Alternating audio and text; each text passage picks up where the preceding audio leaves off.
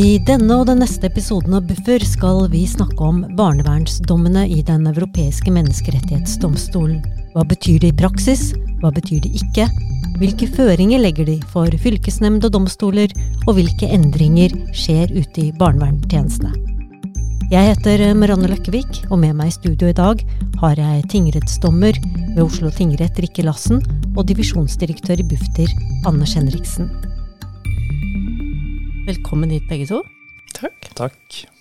Rikke, du har fulgt barneretten tett gjennom hele yrkeslivet ditt, både som advokat, som foreleser på universitetet, som foredragsholder, og nå som dommer. Hvorfor nettopp barnerett og barnevern? Sånne ting eh, er jo av og til litt tilfeldig hva man eh, kommer borti, men eh, jeg begynte å jobbe med barnevernssaker som helt nyutdannet, og syntes det var utrolig spennende og viktig, og siden har jeg egentlig vært hekta. Jeg syns det er både veldig spennende fordi det dreier seg om så ekstremt viktige ting for enkeltpersoner, og så er det et veldig interessant punkt å studere samfunnet på. ikke sant? Møtet mellom uh, det store samfunnet og det lille enkeltmennesket om de virkelig, virkelig store menneskelige spørsmålene. Så sånn måtte det bare bli. Hva tenkte du da EMD tok inn sak etter sak om eh, barnevernssaker avgjort av norske domstoler? Jeg eh, ble jo først overrasket, for vi sitter jo i Norge og tenker at uh, menneskerettighetsbrudd det driver de med i Tyrkia og Belarus og sånn, så vi er jo litt uh, høye og mørke der. Men så ble jeg ganske raskt interessert i det som kom, og summa summarum så syns jeg vi har fått veldig mye viktige tilbakemeldinger på hvordan vi tenker, og jeg syns vel i grunnen vi har hatt ganske godt av dette. Fra ditt ståsted nå, hvilke endringer ser du i fylkesnemnd og i domstol når det gjelder behandlingen av barnevernssaker, sammenlignet med før EMD-avgjørelsene? Det mest eh, påfallende og iøynefallende av det som har skjedd, det er åpenbart eh, samvær. Altså at det fastsettes mer samvær enn tidligere eh, i mange saker. Eh, etter en mye mer konkret vurdering. Det er ikke sånn i alle saker. I mange saker er det fortsatt uh, veldig begrenset, og til og med ikke noe samvær. Jeg er ekstremt opptatt av at man ikke skal generalisere og få panikk her, men i en del saker så ser vi samværsordninger som er mye mer omfattende og mer tilpasset den konkrete saken enn vi så før. Det syns jeg er det mest iøynefallende. Og så selvfølgelig det store fokuset på gjenforeningsmålet, hva betyr det i de ulike sakene, og hvordan kan man sørge for at vi ivaretar plikten til å forholde oss til gjenforeningsmålet som noe vi aktivt skal arbeide for, og ikke noe vi bare skal sitte og følge med på og se etter.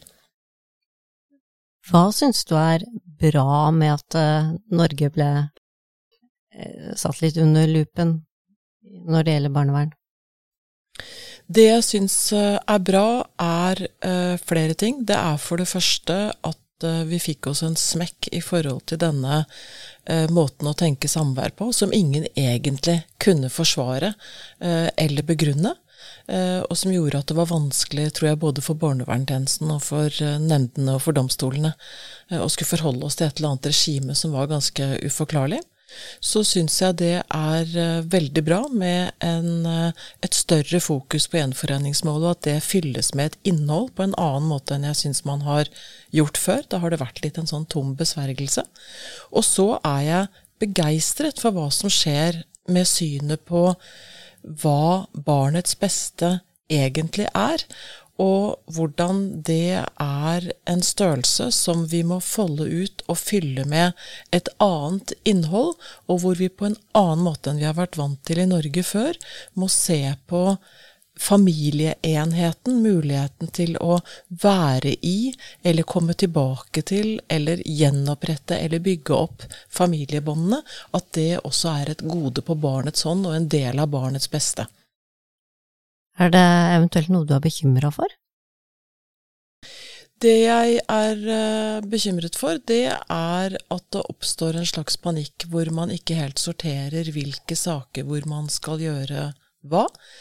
Uh, så jeg er bekymret for at man i noen saker iverksetter for omfattende samvær, eh, slik at barnet utsettes for undue hardship, som det jo ikke skal. Og jeg blir bekymret for at man ikke i tilstrekkelig grad sorterer godt nok i hvilke saker gjenforeningsmålet innebærer at man skal jobbe mot en tilbakeføring eh, for barn som har behov for større grad av eh, stabilitet og forutsigbarhet enn det. Men dette er praksisproblemer. EMD eh, e skyver oss ikke ut i å måtte gjøre dette, så her har vi en stor oppgave i å sortere hvilke saker vi skal gjøre hva. Anders, du har også fulgt uh, utviklingen tett, både som divisjonsdirektør nå og som leder for uh, barnerett her i Bufdir uh, da den første puljen av EMD-dommer kom. Og aller først skal du få noen av de samme spørsmålene som Rikke. Hva er dine refleksjoner om utfordringene før og etter EMD-sakene for fylkesnemnd og domstol? Jeg tenker at eh, det, mye av det som eh, Rikke peker på her, tenker jeg på en måte er ting, refleksjoner også som, eh, som, jeg har gjort meg. Jeg tror nok uh, min umiddelbare tanke her var at dette er på en måte noe merkelig. Uh, skal man på en måte gå inn i dette, og hvor skal dette ende? Uh, og så tror jeg både at jeg og andre etter hvert måtte ha fått løftet blikket og sett at her er det veldig mye bra. Og jeg er enig med Rikke at dette på en måte, jeg, jeg tror det er sunt og blir sett litt i korten utenfra. Så jeg tror dette er med på å løfte uh, kvaliteten i, i, norsk barnevern. og mye av det som, som Rikke, Rikke, trekker fram her, er på en måte ting som jeg er helt enig i. Hvis jeg skal trekke fram én ting til som jeg tror er en positiv ting som kommer ut av dette, så er det dette fokuset som både Høyesterett og MD har på at de vurderingene som gjøres, må være på en måte enda mer balanserte, og man må veie hensynene eh, opp mot hverandre. Der tror jeg ikke man har vært eh, god nok, verken i domstolene eller ute i, eh, i barnevernstjenestene. Og Det kan være enkle ting, sånn som barnets beste, eller hvorvidt man skal gripe inn eller ikke, hvor man på en måte faktisk må løfte fram hva er konsekvensene for et brutt brudd med familien, veie det veldig tydelig opp. da. Og det det er en, en, riktig vei å gå for norsk barnevern, for eh, disse vedtakene er på en måte utrolig inngripende og får store konsekvenser. og Da må man faktisk måte, ta tak i disse tingene og veie de godt opp mot hverandre. Hvilket eh, nye innhold tenker du at uh, barnets beste-vurderingen har fått, Rikke? Jeg tenker at det har um, fått et eh, innhold som er veldig mye bredere. Eh, vi har tradisjonelt tenkt at barnets beste er optimale oppvekstbetingelser hos veldig oppegående foreldrepersoner med veldig oppegående støtteapparat rundt og muligheten til å utvikle sitt potensial til fulle. Mens det EMD eh, gir anvisning på, er jo en mindre kresen tilnærming. En større aksept for at barn er forskjellige, og barn fødes inn i forskjellige forutsetninger med forskjellige foreldre. Og at det er veldig mye som er helt bra nok, og som vi må akseptere uh, uten å gripe inn. EMD kritiserer oss ikke for redningsoperasjonene der hvor vi griper inn og tar barn ut av omsorgssituasjoner med vold og overgrep og rus og alvorlig psykiatri. Det de kritiserer oss for, er jo de litt vage sakene hvor vi griper inn der hvor ting funker ganske dårlig og ikke optimalt, men hvor det samtidig er litt vanskelig å definere hva det er som er feil. Da. Sånn at uh, barnets beste blir fylt ut med en mye større grad av fokus på eh, hva er det du kommer fra, hva er tilhørigheten din, eh, betydningen av tilhørighet til opprinnelsesfamilien din, og også, syns jeg, betydningen av dette gjennom et helt liv. Jeg syns norsk barnevern tradisjonelt har tenkt så kort. Vi tenker på en barndom, eh, mens vi i større grad skal tenke på et helt liv. Hva betyr det gjennom et livsløp eh, å oppleve et brudd i kontakten med alt det du kommer fra? Og det kan være familiebånd, det kan være kultur, det kan være språk, det kan være veldig mange ting. Så det er veldig mye bredere. Eh, veldig mye bredere og mindre kresent og kravstort, kanskje. Er det noen fare for at fokus blir vridd veldig mye fra barnet og til foreldrene ved å tenke på den uh, måten? Er det nødvendigvis så bra for et barn som ikke har hatt det bra i oppveksten, og skulle ha mange samvær og skulle fortsette å måtte ha ett bein i hver leir? Jeg vil gjerne få svare på det. Eh, jeg er ikke så bekymret for det. Det er i hvert fall ikke det EMD gir anvisning på. Vi har flere avgjørelser hvor det kommer veldig, veldig klart frem at hensynet til barnets beste er det primære. Blant annet i eh, noe av dette seneste som har vært fokusert på forholdet til eh, ja, kulturell og etnisk opprinnelse, eh, og spørsmålet om valg av fosterhjem som tilhører samme kulturkrets osv., hvor det er veldig klart at alle disse andre eh, hensynene som blir viktige, de står tilbake for hensynet til barnets beste. Eh, så jeg er ikke bekymret for at EMD gir anvisning på det. Men det er klart at hvis vi misforstår noe av dette, så kan det være problematisk. Men jeg syns det er vel så interessant å snu litt på det spørsmålet ditt, og se på hvordan vi har nærmet oss disse spørsmålene så smalt. da Vi har i norsk barnevern tradisjonelt så har man tenkt at når barnevernstjenesten har grepet inn og du iverksetter et tiltak, så er barnet på en måte på tørt land, og da blir alt bra. Og i virkelighetens verden så er det ikke sånn. For det er ikke alltid vi får det til, det er ikke alltid det matcher. Det er veldig mange barn som flytter veldig mye. Og så blir de voksne, og så står de der og skal leve resten av livet, eh, og er kanskje omgitt av brudd. Eh, og har ikke noe å vende tilbake til. Så jeg tror vi må bredde veldig ut hvordan vi tenker om hva det er barnevernet iverksetter også. Det er ikke gitt at det er så lett å være i et fosterhjem. Det er ikke gitt at det er så lett å eh, ikke ha noen kontakt med opprinnelsen din, selv om det byr på noen problemer å ha det. Jeg tenker at det er gode, gode refleksjoner. Også hvis man og så er jeg helt enig med Rikke at liksom EMD og føringene fra Høyesterett her på en måte gjør ikke dette til en, en, en risiko. Eh, men hvis man skal være bekymret, så det, handler det om uh, hvordan dette blir på en måte forstått og tatt imot uh, ute i tjenestene. Uh, og hvis man ser på noe av dekningen i media av disse sakene, så er det ikke alltid så lett, tenker jeg, hvis man jobber i, i en barnevernstjeneste, å sortere Eh, og klare å lande godt på disse vurderingene. Så der er det på en måte en, en viktig jobb for, eh, for, oss i direktoratet å få eh, formidlet ut hva er det faktisk som ligger i disse dommene, og hva ligger ikke der. For det, det er i hvert fall en bekymring eh, som jeg kan ha, er at man kan misforstå og bli eh, for forsiktige eh, der ute. Så dette er på en måte, det å balansere dette er en og Jeg har all respekt for de som står der og ute og skal gjøre denne vurderingen. Og Det er jo et annet perspektiv her også, at disse dommene uh, fra EMD de har et uh, Selv om det er et bredt perspektiv hvor man skal på en måte se på mange sider av barnets beste, så har de en inngang som er en klage fra foreldre. Det er på en måte inngangen til disse, disse dommene. Uh, så betyr ikke det at de føringene som kommer fra EMD er dårlige og ikke kan brukes, men, men, men det er også vikt, en viktig del av dette bildet, tenker jeg. Mm. Kan jeg få føye til noe der? Ja. For det, det, har vi vært opptatt av, vi som driver med, med fagutvikling på dette området i domstolen også, at uh, det er foreldre som klager til EMD, og EMD hører jo ikke barna.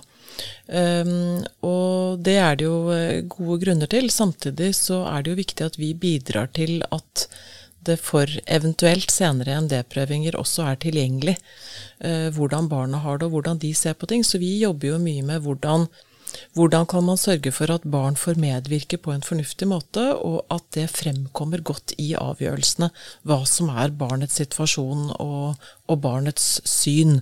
Sånn at her er det mye vi kan bidra med selv også for å gjøre barnet synligere for EMD, da. Og så tenker jeg på retten til familieliv. Hvem er familien? Nå tar vi på en måte utgangspunkt i at det er foreldre og søsken og kanskje besteforeldre, men hva med fosterforeldre, utvida familie, hvilken rolle skal de spille, og hvordan skal dette kunne balanseres på en god måte? Mm. Det er jo, altså Vi har jo avgjørelser fra, fra, EMD. altså Det er jo ikke tvilsomt at f.eks. et barns uh, familieliv i et fosterhjem også er et beskyttet familieliv som er beskyttet etter uh, artikkel 8. Så her tror jeg vi kommer til å se eh, mye mer dynamikk framover, og jeg tror at vi eh, Jeg tror kanskje at den videre utviklingen vil dempe litt sånn frykten for hva det er EMD har drevet med. Da. Jeg, tror at EMD har fått sagt fra om en del av de viktigste tingene nå. Uh, og så tror jeg at uh, barns familieliv, at vi vil få utviklet og vist en ganske bred variant av det som også har en, en rettsbeskyttelse. Da. og dette holder vi jo på med i, i barneretten generelt i Norge. ikke sant? Hva er, et, hva er et familieliv på ulikt vis? Og det der, der er Det er veldig vanskelig, for det er lett å si mye om det sånn i forhold til følelser og relasjonelt, og så er spørsmålet hvor langt skal du gå i å rettslig regulere? Og er det nødvendigvis en, en god løsning for barn? Da tenker jeg at vi skal snakke litt om uh, barnevernstjenesten også. Uh, hva er det viktig at de ansatte i barnevernstjenesten er klar over og retter seg etter for å drive et barnevern i tråd med føringene fra Høyesterett og MD? Jeg tenker at uh, noe av det mest sentrale her er at alle tjenestene tar inn over seg et annet fokus på uh, tilbakeføring. Uh, og det betyr helt fra det tidspunktet man velger å gripe inn, og hvordan man jobber hele veien med måte, det som en, et slags lys der framme, som en målsetning. Det er på en måte en av de viktigste tingene som de, de må ha ha med seg. Eh, og så tenker jeg at eh, tjenestene skal være veldig eh, klar over at det er barnets beste er fremdeles det grunnleggende og viktigste styringssignalet fra EMD og, og Høyesterett. Jeg mener det er veldig viktig at barnevernstjenesten, som Anders sier, styrer etter gjenforeningsmålet helt fra begynnelsen av. Eh, men også at man ser at gjenforeningsmålet betyr ikke nødvendigvis at du skal tenke tilbakeføring, men gjenforeningsmålet handler også om eventuelt å sørge for å opprettholde eller videreutvikle eller styrke familiebånd på ulike måter. Så det er ikke et sånt alt eller ingenting. Det tror jeg er viktig for, eh, for hvordan man tenker. Og så har jeg noen ganger reflektert litt rundt eh, både de vurderingene som gjøres i barnevernstjenesten, og for så vidt i domstolene, hvor, eh, hvor, man ofte har noen foreldre som har vært gjennom mye vondt eh, og, og, vanskelig. Og når man skal sette de vurderingene av hva disse foreldrene klarer, hva som er utfordringene, så har man, tror jeg, eh, på en måte kanskje ønsket å ikke vri den kniven ekstra hardt rundt. Og Noen ganger så kan jeg tenke at eh, i noen av CMD-dommene så kan jeg på en måte, jeg kan lese de, og så kan jeg på en måte kanskje ha et bilde av hva som var situasjonen her. Men det er kanskje ikke så eksplosivt uttrykt hva som er utfordringsbildet. Og det tror jeg nok at både barnevernstjenestene og domstolene kanskje må være tydelige på. For det betyr at man også da i ettertid på en måte unngår den type dommer. Eh, og det er veldig gode intensjoner. Man ønsker ikke å dytte ned mennesker enda lenger ned enn det som er nødvendig. Men konsekvensene kan jo bli at man, de som leser dommene, ser på vurderingene i ettertid, ikke forstår helt hvorfor gjorde man som man gjorde. Og så har jeg også lyst til å si at når det gjelder samvær, så må barnevernstjenesten eh, ha et mindset som går sånn at det er utrolig viktig at vi får til samvær som fungerer for dette barnet, og det er vår oppgave faglig sett å finne ut hvordan kan vi få til det. Hva er det som ikke funker, og hva er det vi kan gjøre for at dette skal bli bra? Hva kan vi gjøre for å tilrettelegge for at dette skal bli fint og hyggelig og være i progresjon? Og der har jo barnevernstjenesten masse faglig kompetanse. Jeg gleder meg til å se hvordan dette skal utvikles når flinke barnevernarbeidere legger hodet i bløt og tenker hva, hvordan skal vi tvike på dette, sånn at det faktisk kan bli veldig ålreit. Hva er veien videre, tenker dere, og hva er avklart? Det er et uh, kjempestort spørsmål, det tar bare 14 dager å svare på. Hvis målgruppen i særlig grad er den kommunale barnevernstjenesten, så syns jeg jo at det kan være betimelig å si at uh, man trenger liksom ikke å sitte med skuldrene langt oppunder ørene og frykte at nå kan liksom hva som helst skje. Eh, at vi kan få, få, smekk for de utroligste ting. For sånn er det ikke. Tror, altså, nå har EMD sagt det viktigste de har hatt å si til oss, og det har vært at vi har i noen saker så har vi for tidlig og med for dårlig begrunnelse oppgitt gjenforeningsmålet, og vi har vært dårlige til å gjøre gode og tilstrekkelig konkrete vurderinger av samvær. Men de har ikke sagt at vi løper ut og redder barn der hvor det ikke er indikasjon eh, for det. Altså, vi er på en måte ikke kritisert for, eh, for det grunnleggende, og man må ikke tro at det nå plutselig kommer sånne helt ubegripelige signaler om at vi tenker helt feil, da. Jeg tror det viktigste er sagt nå, sånn at uh, man kan senke skuldrene og gå tilbake til jobben og stole på at veldig mye av det man gjør og har pleid å gjøre og har pleid å tenke, er veldig bra. Det tenker jeg er et veldig viktig budskap ut. Men hvis vi likevel skal se framover også, hva tenker du kommer i de sakene som fortsatt ligger hos EMD? Noe av det som vi kanskje venter litt mer på, kan jo gå på litt sånn kulturelle, religiøse spørsmål. Nå, nå, hoppet EMD eh, e over der gjerdet var lavest sist det var oppe til prøving, i den andre Abdi Ibrahim-saken. Men spørsmålet på en måte om hvor langt rekker statens forpliktelse til å ivareta båndene til kultur, det kulturelle, det etniske, det religiøse? Og så er det jo et annet spørsmål som mange har ment bør komme mer på strekk, og det er jo dette strengere kravet for tilbakeføring, altså at det må være overveiende sannsynlig at foreldre kan gi forsvarlig omsorg du, for at du skal kunne tilbakeføre et barn, altså et strengere beviskrav enn der vi legger lista for å overta omsorgen. Eh, at det er en pågående diskusjon hvor EMD så langt har akseptert det, ser det ut til men hvor det nok er mange som ønsker å, å få prøvet det på nytt. Ser dere noen endring i måten eh, tjenestene dokumenterer og vurderer på nå? Eller dokumenterer vurderingene sine på, er vel riktigere å si.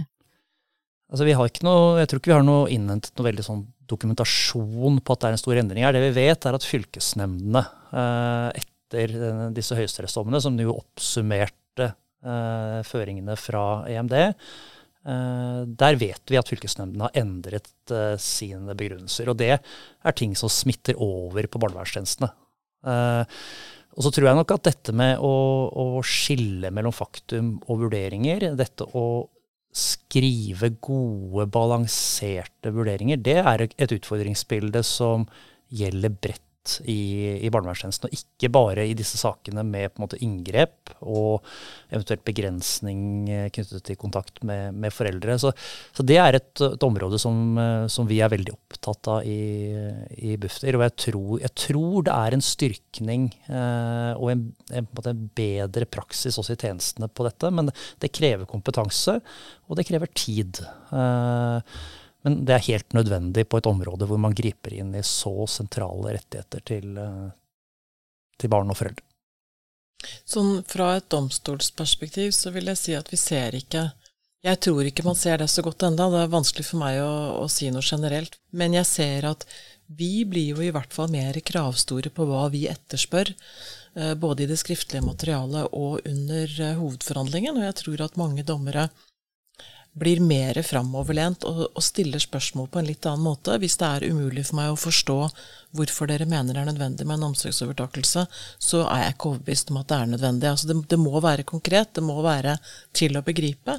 Eh, et lite eh, hjertesukk egentlig er jo at når sakene kommer til oss i domstolene, så er det jo da en saksbehandler som er utvalgt til å, å møte i retten og, og, forsvare barnevernets sak, på en måte. Og ikke så sjelden så er det en person som egentlig ikke er så veldig hands on. Den som skal stå til rette for å forklare dette. Ideelt sett så skulle jo det vært en, en veldig kompetent fagperson som, som, eide de beslutningene og vurderingene veldig. Og så skjønner jeg at det, det er vanskelig i virkelighetens verden å få til det, men, men, det er et problem. Selvfølgelig så forholder vi oss til alt det skriftlige materialet, men vi sitter jo også i en muntlig hovedforhandling hvor det faktisk utspiller seg, og hvor vi ønsker å forstå og forsikre oss om er disse vurderingene egentlig Holder det vann? Er det tilstrekkelig forankret i faktum? Har man vurdert i tilstrekkelig grad alternative hypoteser? Har man prøvd nok? Hvorfor gikk dere denne veien? Hvorfor ble ikke dette vurdert? Når du hører foreldrene, nå tenker du er det noe dere kan ha feilvurdert? Når ikke handler dette om at man sender feil folk, eller handler dette om et mer måte, strukturelt problem som handler om turnover i, i, tjenestene? For ofte så er det jo på en måte en, lang historikk i, i, disse sakene. Og uh, en bekymring uh, fra oss i Bufdir er jo den store turnoveren vi har i tjenestene. Og det, det betyr at uh, den personen som kanskje var, eide saken på et tidspunkt, jobber kanskje ikke i, i tjenestene lenger, og kan sånn sett ikke svare på de tingene. Det må eventuelt være som et vitne vedkommende da er, er inne. Ja. Nei, Det er absolutt en del av problemet, både turnover, men også fragmenteringen. Det er veldig mange ulike personer som har ulike oppgaver, og som egentlig ikke har oversikt over hva, hva det holdes på med, sånn at det blir ikke en samlet felles innsats f.eks. mot gjenforeningsmålet. Det som kan bli til god hjelp her for å få den oversikten og holde den, er jo barnevernsfaglig kvalitetssystem, som var tema i de to første episodene av Buffer. Men hva annet kan Bufdir gjøre, Anders, for å hjelpe tjenestene? Altså det, jeg, dette er jo, Disse dommene mot Norge, det er jo dommer mot Norge ikke mot norsk barnevern. Uh, og det er klart Vi som fagdirektorat vi har på en måte lent oss godt frem her. Det betyr at vi har på en måte satt i gang egne, egne forelesninger, egne tiltak. Vi har gjennom statsforvalter på en måte gått ut mot tjenestene. Så sentrale myndigheter, Bufdir, vi skal ta et godt grep om dette. Men samtidig så er det viktig at hver kommune anerkjenner disse utfordringene og tar et grep i forhold til sin tjeneste, slik at man får eh, de ansatte opp på et riktig kompetansenivå, og at man får måte, de riktige kompetansen inn i tjenesten, sånn at man kan forholde seg til disse, disse, føringene. Det vi også har gjort, er jo øh, å ferdigstille en veileder om samværsvurderingene.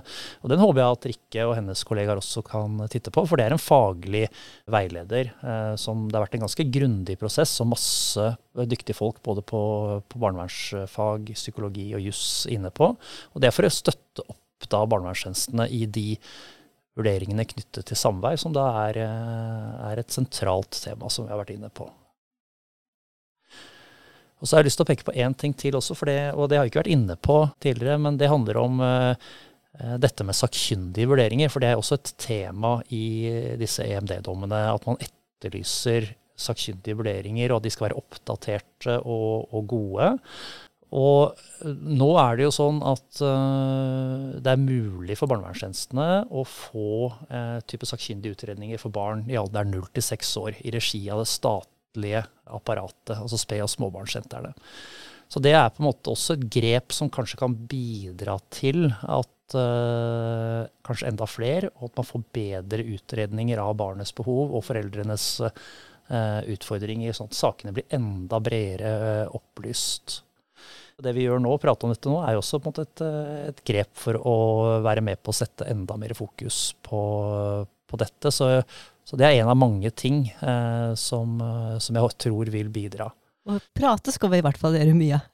Også med barnevernstjenestene selv. Og det gjør vi allerede nå straks i del to om EMD-dommene. Men uh, før du skal få bytte plass med barnevernsleder Benedikte Selsing Rikke, har du noen oppfordring eller råd til de som sitter og skal kombinere god barnevernsfaglig kompetanse og observerende, beskrivende metode med krav om en mer juridisk og vurderende måte å dokumentere på? Eh, det er jo viktig å få et slags bilde av hva som er observert, og ikke bare en vurdering av hva du selv har prosessert av det du vurderer. Det jeg vel savner aller, aller mest i den metoden og tilnærmingen slik vi ser den, det er jo en mer sånn intens utprøving av alternative hypoteser. Eh, det er kjempeviktig. ikke sant? Vi ser noe vi tenker dette er ikke så bra. Her er det ikke noe særlig treff mellom eh, mor og barn. Dette funker dårlig, det er lite svar, liksom. Ok, eh, men hvilke forklaringer kan det ha? Og så bør man jobbe med å også synliggjøre at man prøver ut ulike hypoteser. Er mor redd? Er mor syk? Er det noe alvorlig? Er det noe annerledes med mor? Er det noe annerledes med barnet? Er det noe annerledes med omstendighetene? Er det noe annerledes med den konkrete situasjonen. Det er jo noe av det som det gis veldig veldig klar anvisning på også fra, fra Høyesterett i forhold til disse samværsvurderinger. ikke sant? Hvis samvær fungerer dårlig, eh, så kan det ha ganske mange ulike forklaringer.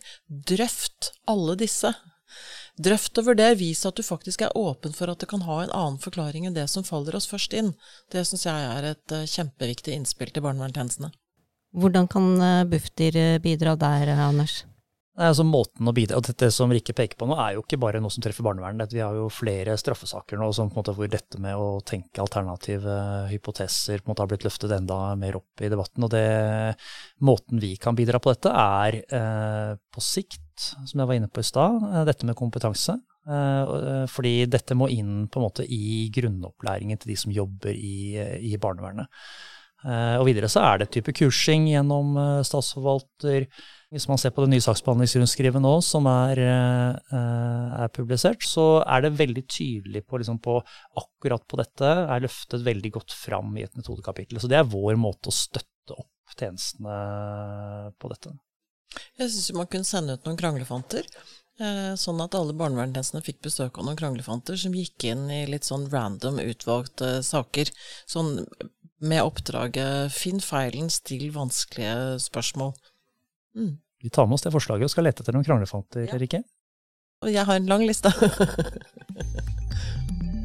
du har hørt Buffer, en podkast fra Barne-, ungdoms- og familiedirektoratet med tingrettsdommer Rikke Lassen, divisjonsdirektør i Bufdir Anders Henriksen og meg, Marianne Løkkevik. I neste episode om endringer i barnevernets arbeid etter EMD-dommene møter Anders og jeg barnevernsleder Benedikte Selsing. Denne episoden finner du i podkastspilleren din samtidig med denne. Neste tema i Buffer er familieråd i barnevernssaker. Det kommer om to uker.